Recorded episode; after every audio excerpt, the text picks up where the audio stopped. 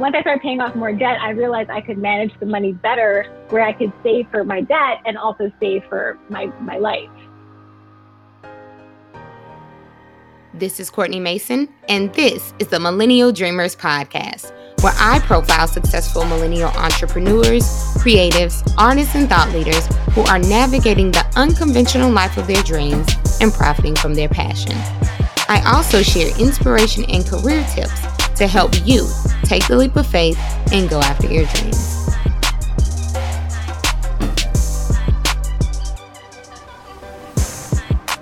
Millennial Dreamers. Today on the podcast, we have Melissa Jean Baptiste. Melissa is the co founder and content creator of the Millennial in Debt brand. She has paid off over $100,000 in student loan debt on a teacher's salary, and she's currently teaching millennials how to get out of debt, build generational wealth, and earn financial freedom. Melissa, welcome to the podcast. Hi, thank you so much for having me.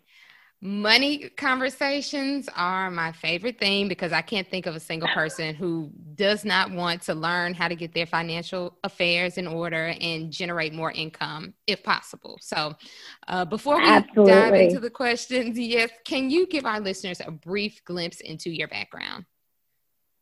Sure. So I am a first generation Haitian American. Um, my siblings and myself were the first to you know, go through regular traditional schooling in America, you know, high school, college, things like that. Um, I graduated in 2010 with my bachelor's and master's degree in adolescent education and English literature. And I have been teaching, this is my 11th year in the classroom. I'm an English teacher for high school in New York City. Um, and then so around 25 years old, when I was 25, 2013, um, I was like, all right, you know, I've been teaching for a while. I graduated. I'm an adult. It's time to move out of my parents' house. And then, you know, I kind of realized I was not financially ready to do anything besides live in my parents' house. Um, and so I spoke to a realtor who pretty much broke it down to me that I had really too much debt to income ratios. I was making not enough money for the amount of debt that I had. And that was just such a new idea to me because I, you know, I was like, I was paying all my bills monthly. I didn't miss anything. I was like, okay, you know, my credit score is pretty good. And I had no idea of the concept of debt to income ratio. I had no idea that the bank saw me as a liability to loan more money because I already had so much debt. And so that was a that was a tough pill to swallow that even though I was, you know, I had a job, I had degrees, I was paying my bills, that I wasn't, you know, financially free, so to speak. Um, and then I went and I started calling my loan providers, and that's when I realized that, oh, I have been paying my, my loan for the last three years, but that means nothing because the interest has ballooned these loans way more than what I actually borrowed. I borrowed about $60,000 for undergrad and grad. Um, and like you mentioned in the beginning, I ended up paying almost almost $102,000 when it was all said and done. Um, so that really is what drove me to, you know, learn about financial freedom and learn about generational wealth and just learn about using money as a tool in general and here I am today. that's that's my story. nice. And that was actually what you know my next question. At some point, we all get to that point where we realize we have to get a handle of our finances and start to eliminate debt if we want to build wealth. So I wanted to know, you know, what was that defining moment? And it looks like when you were attempting to move out of your parents' home and buy your own, then you know that conversation with the um, with the agent was the one that really made you say, okay, wait, I need to take a step back and figure this out?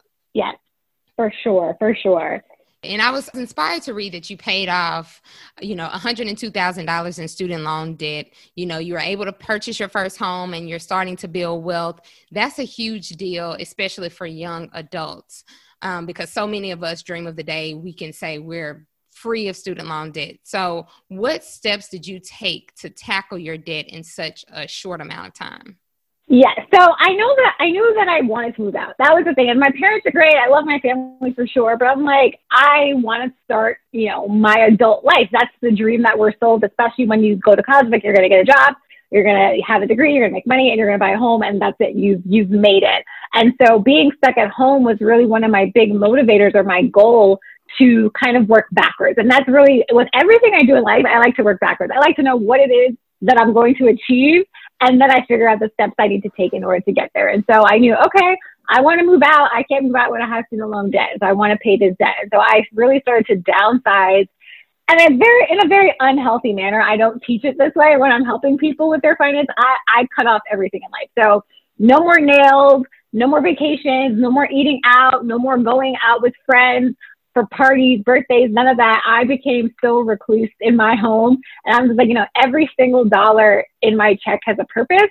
And that purpose is to get me closer to my goal. So I essentially created a sinking fund um, annually. And I said, okay, this year I want to pay off this loan, which, which has the highest interest. And so if that loan was $14,000, then I knew by the end of the year I needed to save about 15, right? Because I wanted to cover the interest amount. I needed to save $15,000 by December. And I figured out, okay, I need to save this amount every week or this amount every month in order to reach that goal in December. And once I hit that goal in December and I paid off that loan, it just motivated me even more seeing the amount, the actual principal drop. Mm-hmm. And I'm like, okay, next loan, what, what am I paying off next December? And that's how I would just work and say, okay, if I need to save $12,000, then this is how it's going to go. Um, and just every dollar I had would go into my savings.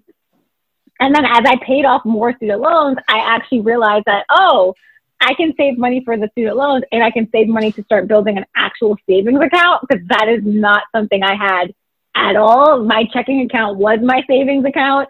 Um, so once I started paying off more debt, I realized I could manage the money better where I could save for my debt and also save for my, my life.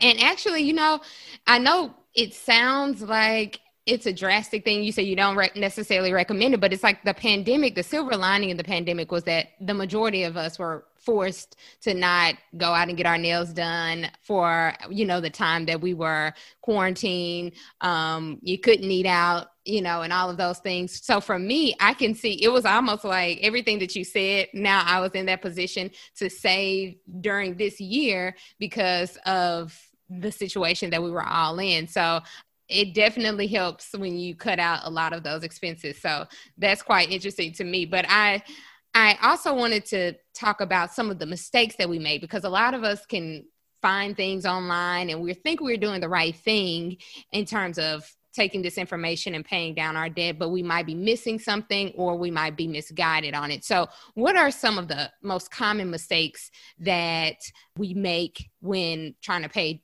off debt?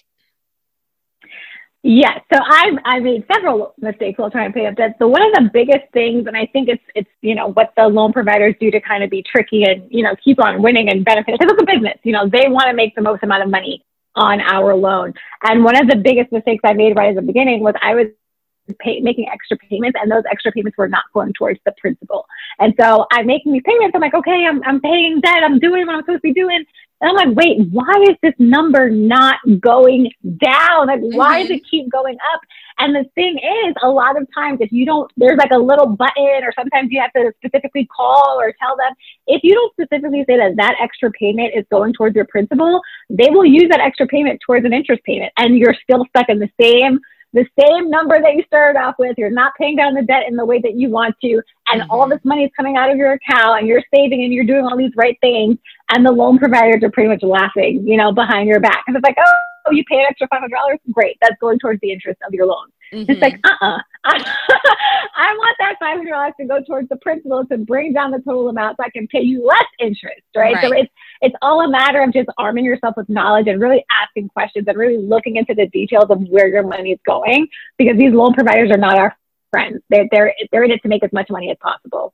That makes sense. And I know a lot of people don't do that. You know, you are just paying the minimum and you don't designate what how you want it to be paid and then you know in the end you're wondering why have i why do i have tens of thousands more on this loan than i anticipated um, because we didn't look more closely at that so um, yeah i find that to be interesting i would say anyone listening take a look at that and see if you can correct that if, if as soon as possible um, any other yes, any other mistakes absolutely. that we should think of Yes. So my one of my biggest mistakes that I made before I really started learning about money was signing up for interest only payments. And I'm glad you mentioned that, you know, we paid the minimum payment. When I graduated from college, I was 22 years old. I had two degrees. You know, I thought I was just like untouchable and I was just going to go and make all this money. I don't know why I thought as a teacher I'd make all this money. Delusional, definitely. Um, and so I got my first my my when my grace period ended, I got my first letter from the loan provider, and I had to pay almost uh, the amount of my first check. And I was like, oh, I'm not, I'm not giving you guys eleven hundred dollars. Like, I'm not doing that. There's no way. And so I went on to, you know, my account, and they show you like all these options. I'm like, oh, I, I want to pay two hundred dollars a month because that looks so much more appealing than paying you this eleven hundred dollars. You guys are out of your mind. And so I clicked it, you know, absentmindedly, and I paid off, you know, that two hundred dollars every month, not realizing that I actually signed up for an interest only payment for the first three years that I was paying. So all that I was paying about six thousand dollars a year in loans after all was said and done in those first couple of years, and none of it was going towards the principal. Not absolutely none of it. And it wasn't until I was looking into graduated repayment plans, and they're like, oh, you know, you don't really fit into this category. You can look into an extended repayment plan. And I'm like, wait, what are all these options? What are what are all these payment plans? There are there are eight different payment plans. And they're like, mm-hmm. yeah, you were on this one paying interest only, and now we're going to put you on the graduate extended, which is going to take 30 years to pay off. And I'm like, wait, what? 30 years? Like, what are you what are you talking about? And that's you know that's I'm like, ask questions, ask for all the options, and then really sit down with your finances and say, okay, $200 looks nice compared to a thousand dollars, but can I afford to pay maybe three or four hundred dollars? Right? Can I really do some things? Can I side hustle? Can I save a little more to really make these extra payments? Because I'm going to be paying two hundred dollars a month for the next thirty five years of my life. And I could be using that money to invest. I could be using that money to build generational wealth. I could be using that money to do so much other things rather than giving it to this loan provider for the next 30 years. Mm-hmm. And I'm glad you said side hustling. Like we should consider that in order to get more income, and then in turn we can pay off more of the debt. And that's one another thing that I love about the millennial in debt content that you create because I saw your Instagram page and it is just so inviting. It's funny and humorous and it just like has all of the things that we need to just kind of captivate us and give us this information in an easily digestible manner. And so i saw that you share various jobs and freelance gigs with varying experience levels and salary ranges that you know anyone who's looking to make additional income should consider. And in particular, you highlighted some high paying jobs or freelance gigs that, you know, we can try since we're working from home. So I wanted to ask you to share a few of those here because I know some people might be thinking, okay, I have an, a little extra time and I'd like to make more money specifically so I can pay down some of my debt. So what are some of those high paying gigs or jobs that we should keep our eye out for? Absolutely. And but before I, you know, shared those, I just always want to tell you whenever you're doing a side hustle or you're freelancing or you want to, you know, add extra income, always pick something you like or you're interested in or you have some sort of, you know, experience or interest into it because we already work our 9 to 5 or our whatever 40 hours and we're exhausted. We don't want to add on extra and just like I hate this too, right? Because this is supposed to be a mm-hmm. positive experience. So whatever it is, whatever side hustle, whatever job, whatever freelance, make sure it's something that has a little piece of your heart because you don't want to, you know, go into it the same way we go into our regular jobs and just like, oh God, I'm so over this, I'm done. Mm-hmm. Right. So mm-hmm. that's just a just a heads up. Um, yeah, so I'll start off with a couple of freelancing options and then I'll talk about some jobs that also don't really require a degree some require different, you know, experience or maybe um, certifications, but they're definitely something that you can look into if you're interested in. And right now, especially because everything is digital and everything's online, the tech world and software and coding, all of that is booming. They're in mm-hmm. such high demand, right? So if you know you're really good at software development or implementation, or if you are you are really good or interested in coding, you can definitely go into that that element, that field. And there's always, always, always an opportunity to develop things. And it's just really cool to be working on, you know, creating an app or creating software to use for remote learning or in the mm-hmm. medical field, like just being a part of that world. That I can't, I'm not good at math or science, but I just get so excited seeing these types of opportunities for people that are that excel in this or are tech masters, you know, and they have all these opportunities. And you can definitely look in um, Glassdoor, LinkedIn, um, Upwork. These are all places where you can go and see, oh, who's hiring? What are they paying? And most of these freelance jobs, especially in software, are paying over $200 an hour. So the money's out there. It's definitely out there for the for the taking. Um, you also have like jobs that are not necessarily remote right now, but are paying very well. We have transportation managers that are making $92,000 a year. And I think that's pretty awesome, right? And so what they focus on is just movement of merchandise and they're responsible for ensuring, you know, shipments, supply chains running effectively. And of course, you know, those jobs are crucial right now since everything is, you know, delivery. We're ordering everything online. Everything has to come in two days and one day and three days. And that you don't need to have a degree in order to make ninety-two thousand dollars, right? This is this is what I'm saying. It's like you don't have to take one particular route in mm-hmm. order to make, you know, large amounts of money or people who are interested, you know, in the police field, and you don't have to just be a police officer. There's criminal investigators that are making about eighty thousand dollars a year. Supervisors for detectives are making almost ninety thousand dollars a year, and these are both jobs that do not require you to have a degree, a four-year degree, right? But you do have to enter. So I'll speak from New York. You would have to become a part of the NYPD, you know, and work your way up to those positions. But these are options and opportunities that people can look into and don't feel like, oh man, I have to go spend four years in, in college and spend $100,000 on, on a degree in order to make decent money. Mm-hmm. Um, so that's just definitely something I always want to point out, especially on Instagram, where people feel like they're losing hope or, you know, their options are very limited. And it's like, no, no, no, let me show you, let me show you the way, right? And so right. two days ago, I believe, um, there's just jobs that are really in high demand, right? So there's medical billers that are paying about $21 an hour. Um, the truck driver is about $25 an hour. Home health aides. I know that was like big controversy on Instagram. home health aides, the the price definitely varies. So the national average is rather high.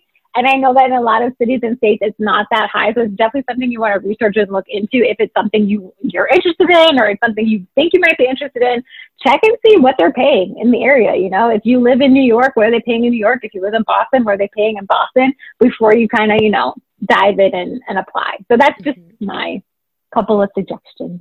gotcha. And this actually, you know, for anyone who's listening who may have a relative that's in college or not, you know, even before they get to college, maybe in high school and they're considering what their next steps are. They don't know if they want to commit to a four year college, um, or if someone who's actually in college and they're thinking about maybe dropping out because they don't know what they want to do and they feel like they're wasting time and money, it's good to hear these options because maybe they can, you know, automatically just steer their attention in the direction of one of these um, professions and make a ton of money even without having that degree. I'm an advocate for that any way that you can you know any trade trade schools and different things like that definitely help out. So don't feel that you have to go to a four year school to make a high salary.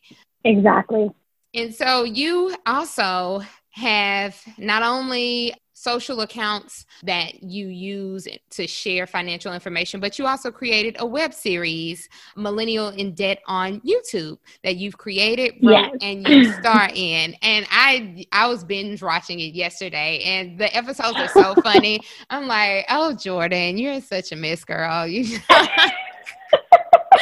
she is. She is just. She's such a mess. she just doesn't, you know. So definitely watch Millennial in Debt on plug it in on YouTube and you'll see all these different episodes. And it's just a very interesting and entertaining way to educate people on financial aspects or financial questions that they might have. So, what inspired you to create the web series and use it as a teaching mechanism? Yes. So I I'm I love to write. I'm a huge writer. You know, I'm in the middle of writing a book, so fingers crossed that's coming out next year. Um, and so it was back in 2017. So I am also a full time teacher, and I was approaching. You know, I had about a year and a half left. So I knew I was going to be finishing paying off my debt really soon. And then I was sitting with my best friend. and I was like, you know what, this this road, this you know financial freedom and paying off my debt and learning all these things about money it was really lonely and it was really hard and it was so weird and just way more difficult than I feel like it ever had to be. And I told her I felt like uh, I feel like a lot of people are afraid to talk about money or they're afraid to talk about, you know, what money can do for you or how impactful and powerful money is in people's lives and how many different ways it is you can get money and secure financial freedom and general generational wealth and you know and really secure an amazing life not just for yourself but for your family and for their family and just for so many generations ahead and I'm like, I think I want to gather everyone's stories, like all my, my friends and family, and just put it out there on the internet. I'm like, I don't really know how I want to do it, but I know that I just want to start talking about money out loud because I don't want anyone who's gone through similar experiences as me or is about to go through a similar experience that I did and feel alone or feel like ashamed, they're ashamed or embarrassed or feel like they have nowhere to turn, like they don't know where to go. So that was a lot of the feelings I had in paying my debt. I just felt like, how could I land myself in this, this situation? How could I be so stupid? And so I sat down, I was like, you know what, maybe I'll, maybe I'll write like a web series, but we'll see. Um, so I taught myself screenwriting and then I wrote the um, all 10 episodes of the first season. And I just started like passing out the episodes to my friends. I'm like, hey, what do you guys think about this? Like, how does, how does this sound? Like, what do you think? What do you think? And they're like, this is great. It's so funny. And I'm like, man, y'all don't know. Y'all, y'all think everything I do is funny. Like, whatever. And so I reached out to a few video editors and I was like, hey, do you think you could bring like this episode to life or this episode to life? And then this one editor was like, oh, I could do the whole, like all 10. Like, let's bring all 10 to life. And I'm like, oh, Wow. Okay, that's cool. Cool. that's cool. And so I was like, I don't really know who's gonna act in this. I was like, I'm not really an actor, like it's whatever. And my friend was just like, she's kind of like a really ditzy, ditzy, stupid version of you. And I'm like, oh, okay. So I was like, I guess I could play her. And I just, I had to remind a lot of people, especially on the internet, because like when people start like commenting. You're like, oh, she's so dumb. And I'm like, no, she's not. And you really have to remind yourself, like, girl, that's not you. Like, relax. It's like the, the character is a little dumb. Right, um, right. And so, yeah, so, so that's how it just came to life. And then I wrote the second season. And I was like, you know what, let me just make an Instagram to like go along with the series and see what happens. And it just all picked up. And then I'm like, okay, you know what? I really, see, this is how I teach my students anyway. I'm really just like a big dork and like I make fun of myself and I'm always doing like silly, goofy things like consistently. And I'm like, I'm gonna teach people about money and be my complete dorky self. And I'm like, you know, if it works, it works. If it doesn't, I tried and you know, it seems to be working. People think I'm actually funny and that's awesome because I love it. That's like my favorite comment. Yes. Um, but I just I I just wanted to make sure people were learning and like the information was accessible and not boring or difficult and just, you know, they were enjoying learning about money and enjoying saving money and enjoying paying down their debt because it is, it is so freeing and so amazing. When you pay off a debt, you're just like, whoo, you feel unstoppable. And that's how I want people to feel, you know, following me and just being a part of the millennial in debt family. Yes. I mean, and it's certainly funny. And it's short episodes. so you can watch a couple of episodes when you're taking a break from work or just wait to the end of the day and watch. It's really funny and done well. And it makes me think of, you know, like Insecure when, when Issa Rae said, you know, she created a website and she was like, I'm awkward. She, it was, I think it's played up more the, the character with awkward black girl, but a lot mm-hmm. of people could identify with it. And I think even though folks online may say, "Oh, she's ditzy," or you know, she's dumb. It's like actually there are a lot of people who have may make some similar comments that she makes, or you know, or don't know. Like she's like, "What's a weight right. garnishment?" You know, right? Everyone doesn't know. Right? Exactly. so yes, I, I highly I recommend. She's not that dumb, but she. right. She just needs a little help you know, a little help along. And yes. I think it's good. It, it, you know, a lot of people, if, if we're being honest, we all can use more clarity on financial things. So definitely I'm plugging Millennial in Debt on YouTube. and uh, you also have, I know this is the end of October, but you did a no spend October. You promoted that. How does that work? Because I might consider doing a no spend November, even though it probably will fail. Uh, you know, I shouldn't go into something saying it's going to fail, but I during the holidays, around holidays, it's really hard not to it's spend because you're trying to prepare for Christmas and all of that, or yes. whatever you're trying to do. But I mean, hey, an, an attempt can be made, and I'm considering an attempt. So, what would be the no spend November if we did it, and how was your no no spend October? Okay, so no spend October came from a failed no spend September. So please do not feel bad going into November unsure because I was so ready in September. I was like, yeah, I don't even go out in September. It's like whatever. And I failed miserably. And I shared that publicly with everyone. Like, look, I may be, you know, helping you guys get your money together, but sometimes I also don't succeed. And so I was like, you know what? Let's try it again in October. Why not? And so pretty much what no spend October from the way I, I run it or discuss it your bills and your groceries do not count as spending because you have to pay your bills and you have to eat, mm-hmm. right? But everything else counts as spending. So eating out, like going to like Pizza Hut, I don't even know if people still go to Pizza Hut. I still do. But going to like Pizza Hut or Wendy's, that counts as spending because you should be grocery shopping and, you know, cooking and eating at home. And like, I don't know, shopping for Amazon, Target, all those things, that's, that counts as spend days. But the good thing about No Spend October is that we set a goal for ourselves, and everyone's goal could be different. I set mine as 22 days of no spending because I tried for 25 days in September and I spent most days in September. So in October, uh, my goal was to have 22 no spend days. And then what I do a lot of the times when I do no spend challenges, I remind people that even on your spend day, that doesn't mean you spend like five thousand dollars on your spend day, and then the next day you're like, "Oh, I didn't spend." Right. right. The, the goal is to just bring the spending down overall. So we try to limit the amount of spend days to limit the amount of spending in general, right? So that's that's the mission, and I like the fact that I, you know, I just it's not saying, oh no, spend the whole month because it's not possible. You know, sometimes you want to treat yourself, sometimes you want to go you know, get your nails done. Sometimes you want, and, and that's why I'm, I've very much moved away from just everything must be about saving money and you can't live your life. That it's not, you don't need to be that militant with yourself, mm-hmm. right? I think a day or two of spending responsibly and wisely is fine and healthy. And then, you know, you get back to business. So what I like to do, I like to leave my spend days for the weekend. So during the week, I'm just like, nope, not I'm not not spending that, not buying that. And then by the time I get to the weekend, I'm like, I didn't even really want that, did I? And right. so it helps to like bring the spending down. So I'm definitely gonna do a no spend November. Um, but what I'll add in is also just a how to save for the holidays because, like you said, Christmas is coming, New Year's, all of that. So if someone chooses they don't want to do the no spend option, they could do the saving.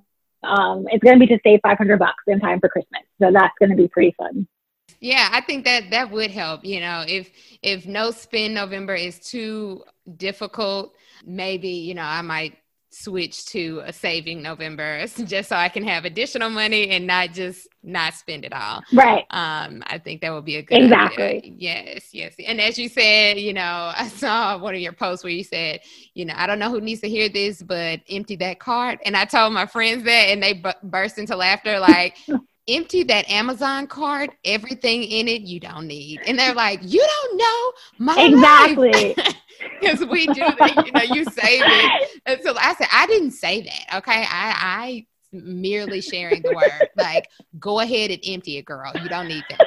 Um, so I just, yes, yes, you don't need it. You don't need it. Nine times out of ten, it's something you have five right. of anyway. But I this was such a exactly. fun conversation and one I know a lot of people might be thinking, okay, where can I find more about Melissa and the work that she does? So where can listeners follow you and learn how to combat their debt and achieve financial freedom? Of course. So we have Millennial in Debt the Instagram. It is the most fun, amazing group of people you will ever encounter. Like I, my, I say it all the time. My followers are the best people on the internet. I don't care. Anyone can fight me on that. So you could definitely join the fam on Instagram. I'm also on Twitter where I'm like less money focused, more like just randomness. But that's the point of Twitter. So Mill Debt on Twitter. YouTube is where I really focus all my information, right? So it's in bite-sized pieces on Instagram, and then I expand and go into greater detail on YouTube. And YouTube is also Millennial in Debt. And then our website is about to relaunch, so you can find us at millennialindebt.com. Um, but that relaunch is coming coming really soon, really quickly with a big like announcement and surprise.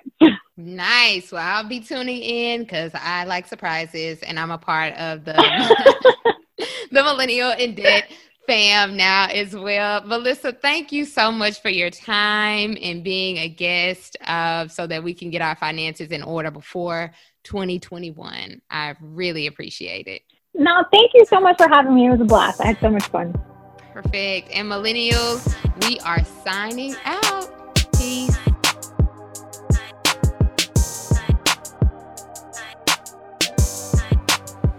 Thanks for listening to this week's episode. But before you leave, hit the subscribe button and leave a comment. We want to know what you think about the episodes that you've heard so far.